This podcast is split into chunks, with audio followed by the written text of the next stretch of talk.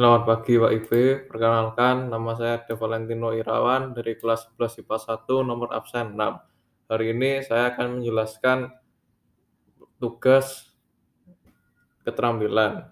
Memainkan alat musik harmonis. Alat musik harmonis adalah alat musik yang berfungsi sebagai melodis dan sekaligus ritmis.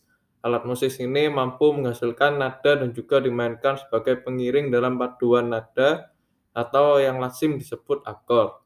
Terus masuk jenis alat musik harmonis adalah organ, keyboard, gitar, sitar, dan sasando. Memainkan alat musik dalam grup. Memainkan alat musik dalam grup ada ensemble sejenis, ensemble campuran, dan orkestra.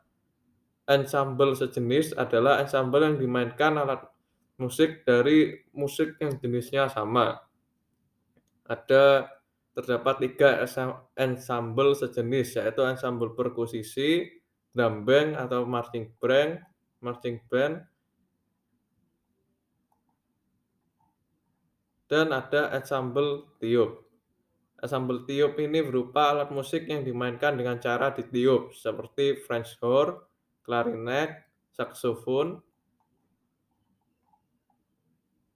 dan juga ada ensemble gesek. Ensemble gesek merupakan ensemble dengan kelompok alat musik gesek seperti violin, biola, cello, dan kontrabas.